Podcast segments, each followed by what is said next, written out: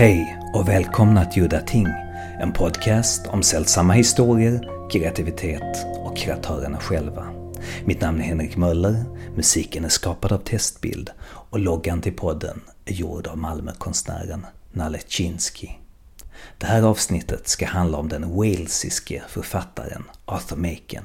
Återigen en av Lovecrafts stora förebilder. Lovecraft inspirerades av Makens The Great God Pan och skrev sin The Dunwich Horror. Senare så inspirerades han av The White Powder och då skrev han bland annat Cool Air. I mitt avsnitt med författaren Anders Fager så dissar han Maken ganska hårt. Bland annat för hans föråldrade sexualnoja och gamla kristna laster som lyser igenom. Det är det vanliga problemet som ideologerna har när de tittar på gamla böcker som är skrivna för hundra år sedan. Men, och lyssna nu, ni som tvivlar inför denne mästare. Maken har en magisk, febrig, intensiv kraft som i princip ingen skräckförfattare än idag har uppnått. Tankarna går snarare bort från skräcken till kraften i Joseph Conrads Mörkrets hjärta eller Werner Herzogs mardrömslika absurda betraktelser av verkligheten. Inte minst i Makens självbiografiska The Hill of Dreams som vi ska komma att prata om alldeles strax. Den första av våra gäster är filmskaparen Richard Stanley som bor i Montségur i franska Pyrenéerna. Han är både väl insatt i och har en tro på det övernaturliga och han är en stor fan av Macken. Till skillnad från Lovecraft och Clark Ashton Smith så är jag långt ifrån beläst på alla Makens historier och biografi, så tack och lov har jag nu även Makens landsman, William Games, född bara några mil från Makens hemstad, Carleon i Monmouthshire. Han kommer att guida oss genom Makens liv och verk. Så, varsågoda.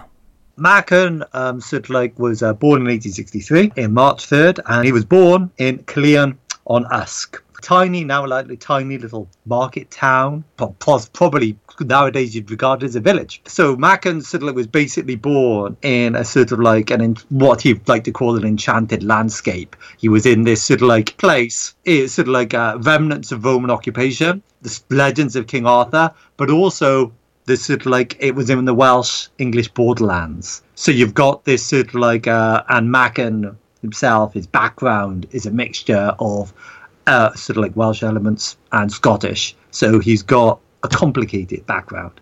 Richard Stanley. I, I, was really into heavily into him when I was going down to Wales before I came out here. Wales was um, my favourite place for ages. I found a perfect valley, which um, is still there, and I'm sure it's still deadly. It was protected from humans by uh, the geography. Um, it was a limestone district, like here in Montsegur.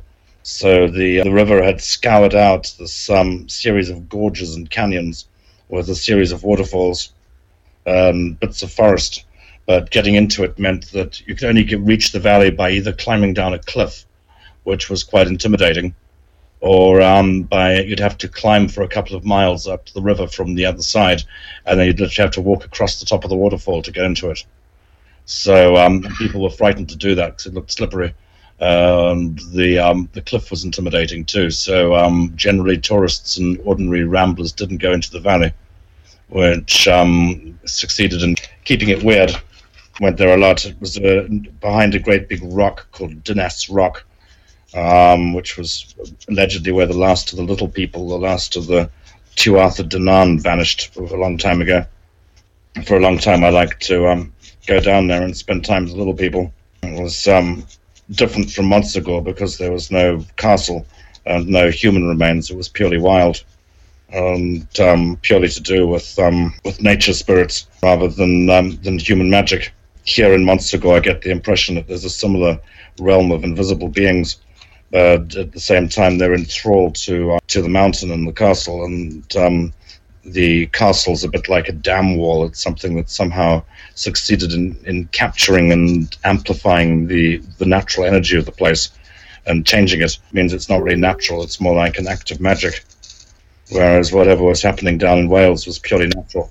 Very quite capable in the Blair Witchy way of um, freaking the fuck out of people in fact, if we would videotaped a lot of those trips up into Wales, we would have um, you know, been able to do Blair Witch Project much earlier. Because I remember when I watched Blair Witch, eventually it was like, well, come on, uh, that's all that's happening. They're hearing voices out in the dark and somebody shouting in the distance. I mean, when we're down in Wales, we're hearing like just all these apocalyptic things going on out there. Like what? Well, sometimes it's it's so quiet up there that you can't tell whether there's like you know it's totally silent or whether there's like a chainsaw revving up behind you. Uh, motorbike engines, chainsaws, aeroplanes, shouting shouting voices, just all kinds of stuff. I was very uh, it was super busy. We were convinced at, at times that the world was coming to an end. We were convinced that we were in the middle of like um, some secret government uh, training exercise. Uh, all kinds of bizarre explanations were presented to us at various points. It would always turn out there was nothing actually happening. So, what was it then? Uh, so I think it's a combination of the white sound of the river shh, going the entire time, and the, the moonlight through the trees, and the um, the, the, probably the firelight and the um, the moving um, shadows of the of the branches, and um, all of it creating a series of diffusion patterns where after a couple of days it becomes easy to um, to hallucinate to arrange those pat- those patterns into something which um, may or may not be actually happening. I had a lot of people spin out down there and completely freak out. I remember this doctor guy I brought down from a hospital in London, uh, ending up um, backed up against the, the, the, against the cliff face. His back to the cliff face, saying just saying, "I'm going to kick anyone who comes near me." And it was kind of so so scared. It, yeah, just backed away. We just left him there, kind of cowered against the cliff face until dawn. So, what was the story behind this name, Arthur Machen? Obviously, the name Arthur, a tribute to King Arthur, born in, who was, lived in Caerleon, if the legends are true. And then later on, when Machen started writing stories, he eventually just, rather than calling himself double barreled, he decided, and also because Jones is one of the most common names in Wales and England, he decided, I'm going to call myself Arthur Machen. Okay, let's catch up on the biography. What happened next in Machen's life? Basically, uh, it's sort of like his father. He became very, very poor uh, Vector. Um, very much like the struggling clergyman you might find in other Victorian novels. He made very little money, and in fact, he went bankrupt. Machen could not go to university as his father and grandfather have done. There was no money for that he had to find a way of earning money. So he sort of like went off to London. He tried to become a journalist, failed at that. Um, became a clerk in a publisher's firm, did some writing for them. Uh, sort of like uh, lived in reduced circumstances in small little uh, sort of rooms in boarding houses in great poverty. But he was in London now, and even though he was incredibly poor, he loved London. He loved walking the streets, and that's the other great influence on Machen's fiction because there's you know two things which most stories Machen involve. One of the big things is going to be the landscape of Wales. The other one is going to be the landscape of London, and you've got this mixture of the rural and the urban coming together in his stories. He eventually becomes a translator. He translates private uh, various things, Heptameron, um, but most famously Casanova. Um, the first translation of Casanova into English, and it's it's sort of like published sort of like without the translator's name for obvious reasons. It was a sort of like a limited edition in a, I think twelve volumes uh, for gentlemen, um, because obviously in Victorian England, you know, you did to just put a copy of Casanova on your shelves because there's rather too much of like uh, salacious material going on there. So it was a private limited edition for uh, discerning gentlemen who wanted that type of thing. So Machen's got this and he's got money now. His relatives, his Machen relatives have passed away. He's got a bit of cash. So there's all this. He's coming to London. He's made friends up there. He also, in this sort of like this period in the 1890s, uh, 1889, he's got married. He's got married to his first wife. He's absolutely devoted to her. So, coming from this place and a long line of clergymen, so what do you think inspired these stories of uncanny dread, wonder, and beauty? A landscape and his background is a vital part of his inspiration. Um, and the River Usk runs through Caerleon and it's a long winding river which comes out at Newport. Um, it's a sort of like a, a, it's a it's a quite a muddy river with a very high tidal range, range, and the Romans used to sail up it in boats, um, as did medieval people. Uh, you've got the Usk Valley, which is this lush, green, verdant valley. Um, sort of like incredibly beautiful, lots of very small farms. Well, this thing with nature seems to be a double edged sword because Machen describes it as very beautiful and profound, but on the other hand, there's darkness and evil lurking there. There seems to be an obvious fear of nature. The horror of the pagan material in the in the earlier stories, particularly um, white people and um, great god Pan. He had a novel of the Black Seal, where, which um, I think really works in the story's favor because it, it makes them horror stories. Uh, in that we've said Machen's fear and, uh, and and revulsion towards the little people as well. It's described really evocatively in one of the most famous examples. I'll just read a little bit out of it, which will sort of like uh, gives you an idea. And this is a sort of like uh, from the great god Pan. Dr. Raymond's talking to his friend Clark, and they're just standing outside this house, which is a real house, but it still exists today in the valley. It's back and said this is the place that inspires him. And he goes on, uh, Look about you, Clark. You see the mountain, and the hill following after hill as wave upon wave. You see the woods and the orchard, the fields of ripe corn, and the meadows reaching down to the reed beds by the river. You see me standing here beside you and hear my voice. But I tell you, all these things, yes, from that star that has just shone in the sky to the solid ground beneath our feet. I say all these are but dreams and shadows, the shadows that hide the real world from our eyes. There is a real world, but it's beyond this glamour and this vision, beyond these chases and arras, dreams and a career, beyond ever them all as beyond the veil. I do not know whether any human being has ever lifted that veil, but I do know, Clark, that you and I shall see it lifted this night from another's eyes. And obviously, what he's talking about there is this sort of like the creation of the great god Pan, um, which is, you know, one of his very famous stories. But you can see there, he's talking about beauty, he's talking about this incredible landscape, but Machen believed in sort of like the supernatural. He believed in magic. He believed that there were things beyond this world and they were present in everything you saw. That's the key thing about him. He believed that there were both good things in the world and there were terrible things. And his his imagination was torn between those two poles. Though tended to focus a lot in his most famous stories on the evil, the dark, the horror. The great god Pan was his first real horror story, right? How would you describe the great god Pan to someone who never heard of it? So you just heard me this describing that that speech, very speech. Um, the story of the great god Pan is basically it starts off in this house um, in somewhere described as the west of England, which is, you know, it's basically a, you know the Welsh borderlands.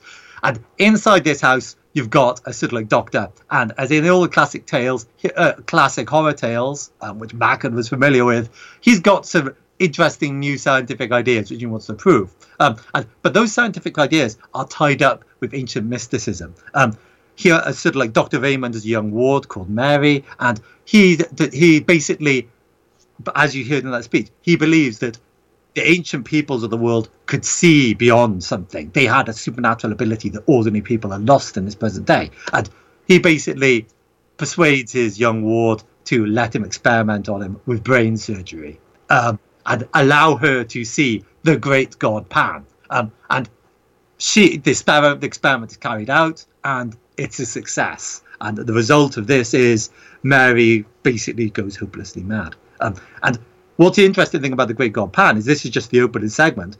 The next segment of the story seems to have absolutely nothing to do with these opening bits, and this continues throughout the story. This is a sort of like a, a plotting mechanism Machen was very quite fond of, um, where basically you have these disparate threads, um, and you gradually they piece together to reveal horror. Um, and it was a, a, a method which H.P. Lovecraft loved in Machen's work and adapted to his own work. I do like the outline of Great God Pan, but it feels like he's too frightened to directly approach it. How's that? How do you mean? Well, he doesn't bring the um, he doesn't bring the lady on very much. The um, stories seem to stay at a distance from his pagan avatar. You know, you, there's definitely a different story to be written with the same material. I, I, I like the um, the setup very much the notion of these um, Victorian brain surgeons performing a um, an experiment on a um, an unfortunate working class guinea pig um, who happens to be called Mary, the vast and formless deity of nature that um, destroys her brain. Um, and the ambiguity of her falling pregnant while becoming a drooling idiot, which um, set up. and then the um, the birth of the lady who presumably is a an avatar of chaos. In uh, modern times, I would be more inclined to make the um, the avatar of chaos character into the into the lead character, rather than uh, keeping her off screen or keeping her as the bad guy. But like I say, feels feels like he's terrified of her once he's actually invented her. So he doesn't give her, uh, in my book, enough to, enough to do in the actual story. I mean, I'd like to see a um, Doctor Phibes wise wreak terrible vengeance on the different surgeons responsible and leave a chain of bloody apocalyptic havoc across London. Basically, as a result of the book, there was all the reviews seemed to be divided. You had book reviews which saying this is absolutely sort of like a, it's a terrible book. It's not scary at all. Other books saying it's basically unspeakable.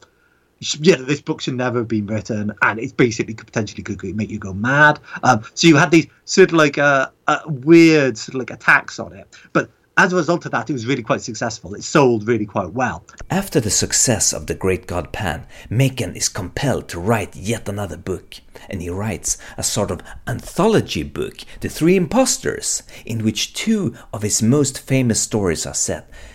They're called The Novel of the Black Seal and The White Powder.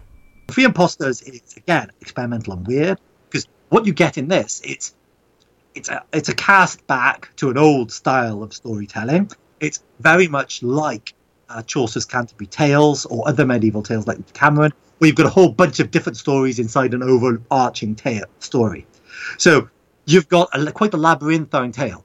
There's two people, and they've come across this sort of like house, which is again it's a real house in London, past, um, which looked really spooky and haunted. Looked like something was bad had happened in there. They come across this man this young man in spectacles who seems to be fleeing from someone. And, and people then people keep on coming up to them and ask about the young man in spectacles. But they tell stories about why they're looking for him. And each of the stories is different. Each of them is, you know, you're implied in stories is a lie, but each of the stories is riveting and exciting and different. There's this whole series of different tales, um, and it's basically a sort of like chase across London. The two detectives are gradually piecing together the mystery, um, and it ends with a very horrific conclusion. Um, and there's the tale tales within tales, and within those tales, there's um, the story itself is incredible, but there's two very notable tales, which is uh, sort of like uh, the novel of the Black Seal and uh, the Tale of the White Powder, both of which are sort of like very famous short stories and are often taken out of the Three Impostors and published separately. Um, and they're both very important because um, they very well strongly admired um, and had much influence. Particularly, uh, the novel of the Black Seal, very, very strong influence on H.P. Lovecraft. Um, and in fact, in many respects, sort of like uh, Lovecraft's uh, Call of Cthulhu, his story, The Call of Cthulhu, sets, really gets the mythos going, is a retelling of the novel of the Black Seal in many respects. You've got this sort of like, not only the novel of the Black Seal, there's this strange sort of like artifact, a black seal, a, str- a strange tablet which has got weird words which you can't, which people can't understand.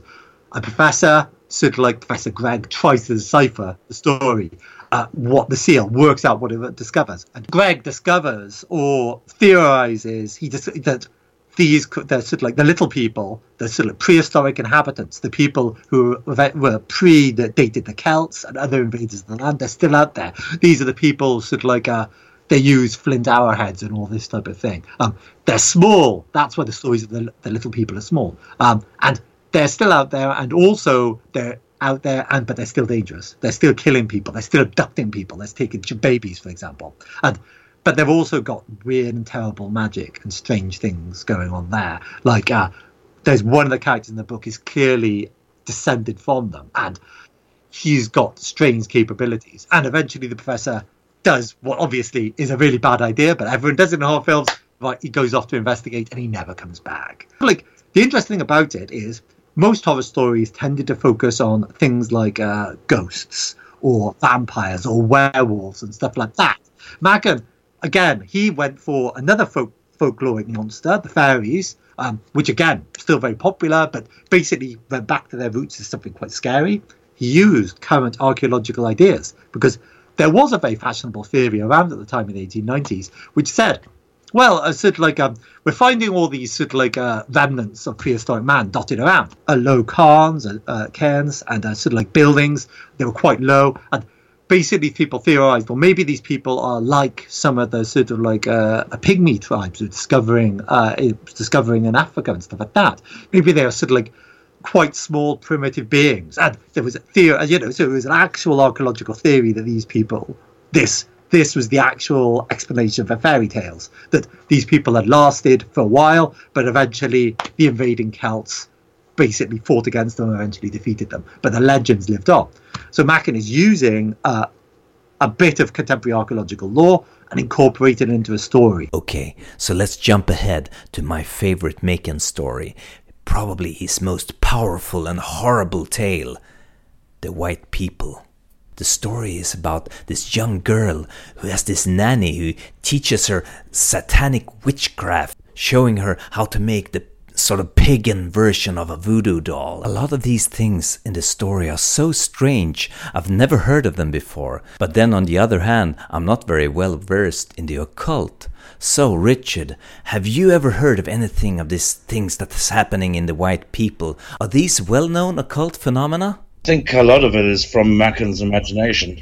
He's, he's certainly made up a lot of ideas that I've never heard of before or, or, or which give the impression of coming from yeah, some completely alien culture. I mean, White People's written by a crazy little girl, a lot of which Lovecraft adopted directly into um, Dunwich horror, like the the Aklo letters and um, the dolls and the Jeelo and things all ended up in um, in Lovecraft. In the White People, you've got once again a two fragmentary section. You've got this opening section where there's two men sitting together discussing stuff, and then it's got this very short, this period, this uh, sort of like section, the Green Book, because this sort of like uh, one of the gentlemen, the sort of like hermetic, uh, the hermit, uh, brings out this uh, this manuscript, the Green Book, because they're talking about what is evil, what actually is evil. Is there such a thing as pure evil? he says there is such a thing and he can prove it, and he brings out the Green Book. And the Green Book um, is the writings of a young girl, uh, almost uh, a stream of consciousness thought thing. Um, like for instance, I'll read a, a short section. She's basically she's talking about uh, on a strange adventure which happened on what she called the White Day. My mother had been dead for more than a year, and in the morning I had lessons, but they let me go out for walks in the afternoon. And this afternoon I walked a new way, and a little brook led me to a new country. But I tore my frock going through some of the difficult places, as the way was through many bushes, and beneath the low branches of trees, and up the thorny thickets the, on the hills, and by dark woods full of creeping thorns. And it was a long, long way. It seemed as I was going on forever and ever. I had to creep by a place like a tunnel where a brook must have been, but all the water had died up, and the bushes had grown overhead till they met, so it was quite dark. And I went on until we came to that dark place. It was a long way off and I came to a hill that I never saw before. It was a dismal thicket full of black twisted boughs that tore me as I went through them. I cried out because I was smarting all over. Then I was found out I was climbing, and I went up a long way until the thicket stopped, and I came out crying just under the top of a big bare place. There were ugly grey stones lying about, about all, about all about on the grass, and here and there a little twisted, stunted tree came up from the stone like a snake. And I went up to the top a long way, I never saw such big, ugly stones before. They came out of the earth, some of them, and they looked at being rolled to where they were. And they went on as far as I could see, a long way. Um, I looked out from them and I saw the country, but it was strange. It was winter time, and there were black, terrible woods hanging from the hills all around. It was like seeing a large room hung with black curtains, and the shape of the trees seemed quite different than I'd ever seen before. Um, so you can see there's an element of fairy tale um, and sort of like a magical voice. Basically, she's got a nurse who introduces her to some old ways. She talks about she's talked about the sort of like uh, different rituals. She's talked about the Aklo letters and the dolls and the various and the scarlet ceremonies and all these strange things which are not outlined but are, seem very very dark and mysterious and it basically becomes clear she's involved in witchcraft and ancient paganism. Most of the terrible things that are being talked about are only insinuated, and that's the point. But what do you make of the ending of the white people when they find that white statue in the bushes? Well, they find some kind of um, pre-Christian, um, yeah, or, or Neolithic um, goddess statue hidden in the wood, whose influence presumably has um, caused all the other stuff to happen. I mean, I guess it's a sign of Machen's um, education.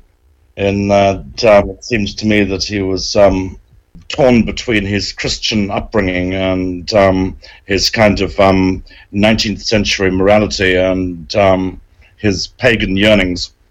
Like for me, if I found a, a Neolithic statue of a goddess hidden in the wood, my first impetus wouldn't be to smash it into pieces the violent yeah, reaction of the people when they find the idol uh, shows that there's still a, a, sense of sin and abhorrence. Also, that very lengthy um, monologue on the nature of sin earlier in the um, the story is quite interesting. I think the idea was he should have he should have been in the priesthood initially. The statue again, like the circle, the standing stones, which back there was a standing set of stones or sort of like not that far away from where and lived up in the Wentwood in the great forest of Wentwood which most people seem to think that's where the story that story may be partially set. Uh, and you've got these stones littered in the countryside. You've also got sort of like uh, uh, statues in Machen's area like people found sort of like statues the old Roman statues um, some were incorporated into house into uh, houses. Like in Great God Pan there's talk of uh, they found this horned head, a terrifying horned head, and this boy says, "That's what I saw, the creature that I saw," and that's sort of because he's encountered a satyr, and this is sort of like this ancient, ancient Roman horror has come to life. The statue is basically is part of this enraptured web, this horror which is still out there, it's still lurking in the hills, it's still alive, um, and she's been caught up in this. Uh, but the whole point of the story is is this this girl is fundamentally innocent, yet she takes part in things which are evil. Um, that's what Machen talks about at the start of the story. He says sorcery and sanctity; these are the only realities. He's drawing this distinction between absolute good and absolute evil, both of which exist, um, both of which are a real threat. Okay, so this is what I wrote about Machen back in the day. Mankind, in its arrogance, knows little of the earth even as we plumb the dying oceans and the nearer reaches of space, a rambler in the Welsh valleys might still feel a chill as the shadows lengthen and the airy silence presses in. A silence is not a silence at all, but an intricate symphony of subliminal sound, the white noise of things growing and dying. This quickening of the heart, one part terror, one part exhilaration, in the face of nature at its most sublime, is panic in its primal sense. What our forefathers knew as the proximity of the pagan deity Pan, the hieratic embodiment of Earth's fecundity, misunderstood and maligned by the people of the book as the horned essence of evil. The poet and Arthur Machen came of age in these remote backwoods. Born in 1863, he spent his formative years at Llandewi Rectory in Gwent, where one solitary summer afternoon he took an unfamiliar path through the hills and encountered something that touched his soul and chafed against his Christian upbringing. Something he struggled to put into words. Adrift in London, he found employment as a journalist and translator, honing his craft by laboriously translating the prose of Casanova's memoirs before taking on a commission to compile a definitive catalogue of occult literature. This daunting part work marked the beginning of his education and his earliest surviving tales, such as the spagyric quest of Beroaldus Cosmopolita, demonstrate a precocious fascination with the esoteric. His first novella, The Great God Pan, appeared in 1894 to reviews of unparalleled hostility. Deemed the most acutely and intentionally disagreeable book yet seen in English by the Westminster Gazette, and summed up by the Manchester Guardian as, quote, an incoherent nightmare of sex, unquote. Machen's debut concerns a working class waif named Mary and her benefactor, who grooms her to become a guinea pig. In a grotesque experiment in early brain surgery, under the scalpel she experiences a vision of the vast and formless deity of nature, only to awaken as a, as a drooling idiot. She is found to be pregnant and before dying gives birth to a daughter who matures into a beautiful, voraciously seductive avatar of chaos, a pagan antichrist who proceeds to clatter vengeful apocalyptic swathes through stuffy siècle London. Following through with the novel of the White Powder, its companion piece, the novel of the Black Seal, Machen introduced one of his most cherished themes, the survival of the folkloric little people, the children of Danu, who are supposed to have disappeared into the Welsh hills, but live on in a kind of trans-dimensional otherworld, from which they continue to exert an obscure and baleful influence over human affairs. The sudden decline of his young wife, Amy, diagnosed with cancer, spurred the creation of The White People, one of Machen's finest stories and an acknowledged masterpiece of supernatural fiction an unsettling first person narrative depicting a child on the cusp of puberty and a fatal communion with the inhabitants of fairyland. And he would have been writing it while the wife was dying, which is a strange thing. It's strange to me that he wrote so much in her in her dying year and then stopped. It's like um, that that implies to me that maybe the wife was the was the reader. Yes, that's what I've been thinking. He might have written it to entertain her during her final years yeah, as I said, it's like after she died, maybe he didn't have any any reason to write anymore. It's strange to me that he sort of pulls the plug on it. They, he has such a, a wildly fertile period and then just stops. Machen's tales would inspire countless writers from H.P. Lovecraft to Stephen King, but the genre he helped create held no further interest for him. A real life horror of the soul took hold of him, and working in a grief stricken frenzy, he completed his first novel, The Hill of Dreams, which has one of the best opening lines in all of literary history. There was a glow in the sky, as if great furnace doors were opened, and the hero of the book sees something at once horrible and beautiful. The opening passage concerning an amorous tryst with an elemental woodland spirit is described as the lucidity of first hand experience, a conviction that places his work in a wholly different class from his imitators. Eschewing the sensationalism of his early fiction, Machen won critical respect, but set himself on the road to ruin by alienating his readership. Turning to the occult for solace, he was initiated into the Order of the Golden Dawn on November the 21st, 1899, taking the name Frater Avallaunius. And he explained in his autobiography um, that he didn't find it very illuminating, that uh, he sort of like it didn't shed any light on his path. Basically, his perception of the nature of magic or supernatural is quite different to both Blackwood and obviously Crowley. Um, is that because uh, sort of like thought that um, along with a Waite that too much trying to interfere with the nature of reality, like using magic, is a bad idea. It probably wouldn't uh, work work out well for you if you started messing around with that type of thing.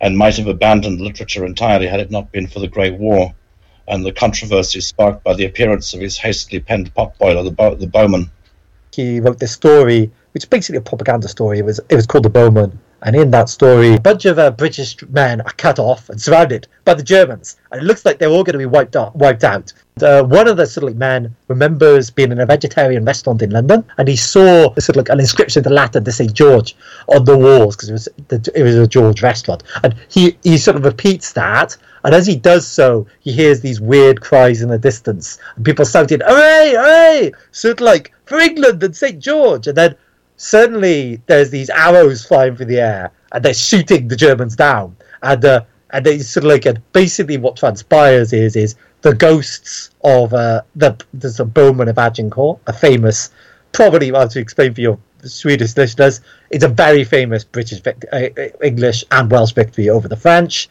in which the longbow was basically slaughtered loads of French knights, and they've turned up in the middle of World War One to shoot the Germans, and St. George is there as well because obviously God is on the side of uh, the British. So it's propaganda, blatant propaganda. Um, and Machen, who's very quite ardent patriot, was quite happy with that. But then the weird thing started happening is he started getting letters to the paper saying, "Who was the soldier who told you about the Bowmen?" Um, and Machen wrote back, "Well, no one told me. I've made it up." Story, stories going into uh, spiritualist uh, magazines saying, "Well, what about the story about the Bowmen? What's the truth behind that?" And they contact Machen, and Machen says, "Well, it's not. I made it up." Then things start getting really weird. Um, in about six months after the stories come out, um, a whole series of stories started spe- spe- uh, spreading about there being angels. The tale of the ghostly archers of Agincourt coming to the aid of the retreating Tommies was retold by a nurse on the Western Front to, to cheer her wounded charges, and repeated orally from one soldier to the next until it's found its way back to the British newspapers as a statement of fact. An echo of modern UFO hysteria, Machen's attempts to set the record straight led to public accusations that he was involved in a convoluted conspiracy to cover up the real truth. The affair of the angels puzzled Mackin, but above all gave him hope, a renewed belief in the power of faith that he saw increasingly embodied in the symbolic quest for the Holy Grail, the lost link between man and nature, and the balm to both his and the world's pain. His various discourses on Anglo Saxon Grail lore, collected in 1925 under the title The Secret of the Sangreal, give only a partial insight into the obsessive research that consumed most of his remaining years. The Great Return, 1915, concerns the miraculous reappearance of the Holy Grail in an isolated Welsh village, while his final masterpiece, The Secret Glory, 1922, is a sustained attempt to reposition the quest in a contemporary post war context. In Paradise Lost, when the peasant stumbles upon the elves at their midnight revels, Milton describes how at once with joy and fear his heart rebounds and is in the reconciliation of these two conflicting, yet paradoxically complementary emotions that Machen principally concerned himself. His, collecting, his collected fiction, charting the stations of an inner journey from the fear and inhibition of his Anglican childhood to the joy and wonder of his final acceptance of nature and the yearnings of his own pagan soul. Machen lived out his impoverished, declining years in Amersham, where the locals in the King's Arms remember his inexhaustible supply of baffling stories. He died quite peacefully in 1947 at the age of 84. And I've got a short quote from Hill of Dreams. As he awoke, there was a glinting that might have been the flash of sunlight, and the branches rustled and murmured. He held out his hands and cried for his visitor to return. He entreated the dark eyes that had shone over him, and the scarlet lips that had kissed him. And then panic fear rushed into his heart, and he ran blindly, dashing through the wood. yeah, that was my take on Machen. But I may be missing him entirely. Were you inspired by Machen's Holy Grail story, The Secret Glory? I'm thinking of when you made your Otto Rahn documentary with the same name, The Secret Glory. Yeah, I mean, um, tries to reposition, re- reposition the um, the Parsifal quest into um, into what was for him a modern context in the Machen story, the um, Grail Seeker is, I think, martyred in Kurdistan at the end, nailed to a tree somewhere. Yeah, with um, Otto Rahn's um, journey, I saw something similar. I saw in Otto a, a 1920s, 30s Grail Seeker character who um, also achieves a, a kind of Pyrrhic victory, um, fails to find the Holy Grail, but yeah, dies in the snow, and yeah, reaches a an end um, or, or just as pitiable as the um, the character in the um in the Machen story.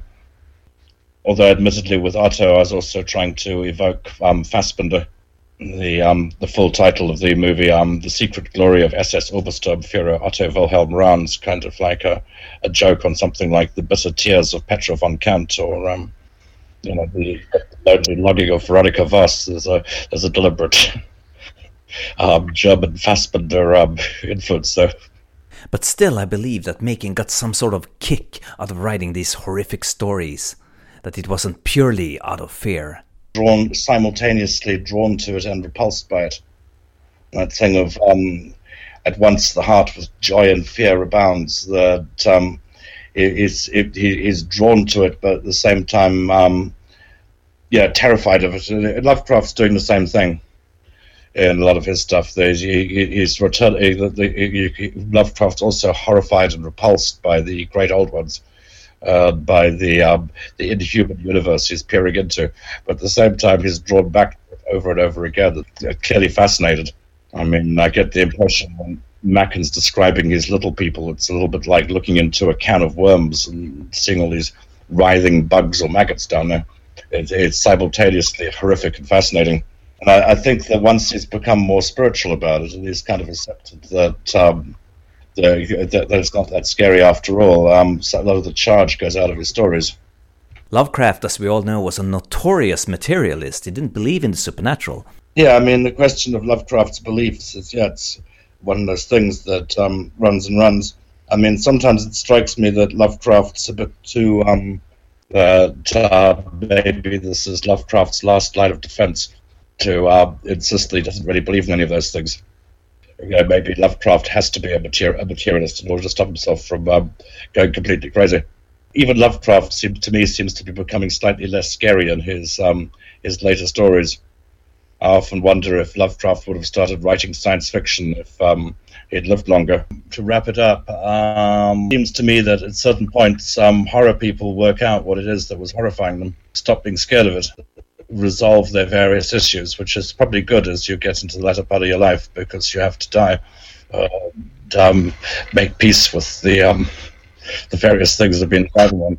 But it's always a bummer for the fans because um, it's it's rough when Dario Argento doesn't have anything left to say after the the lizard has been released from the trap in, in opera.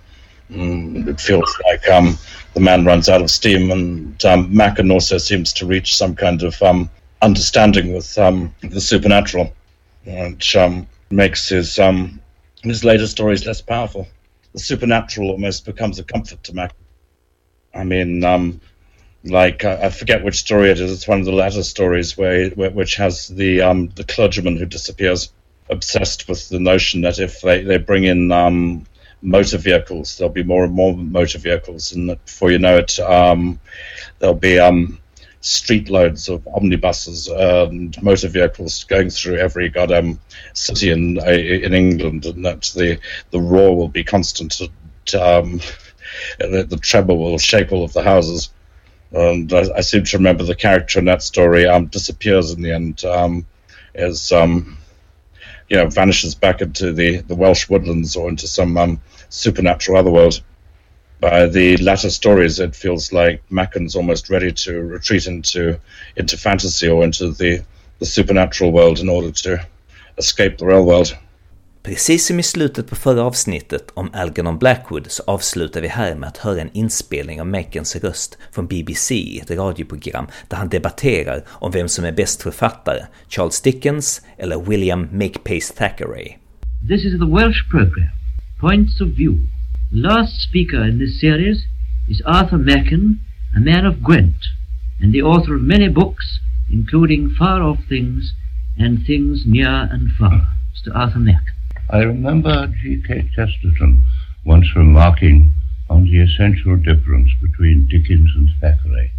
In Dickens, he said, I'm quoting from memory, you admired Mr. Micawber, but you scarcely expected to meet him or anybody like him.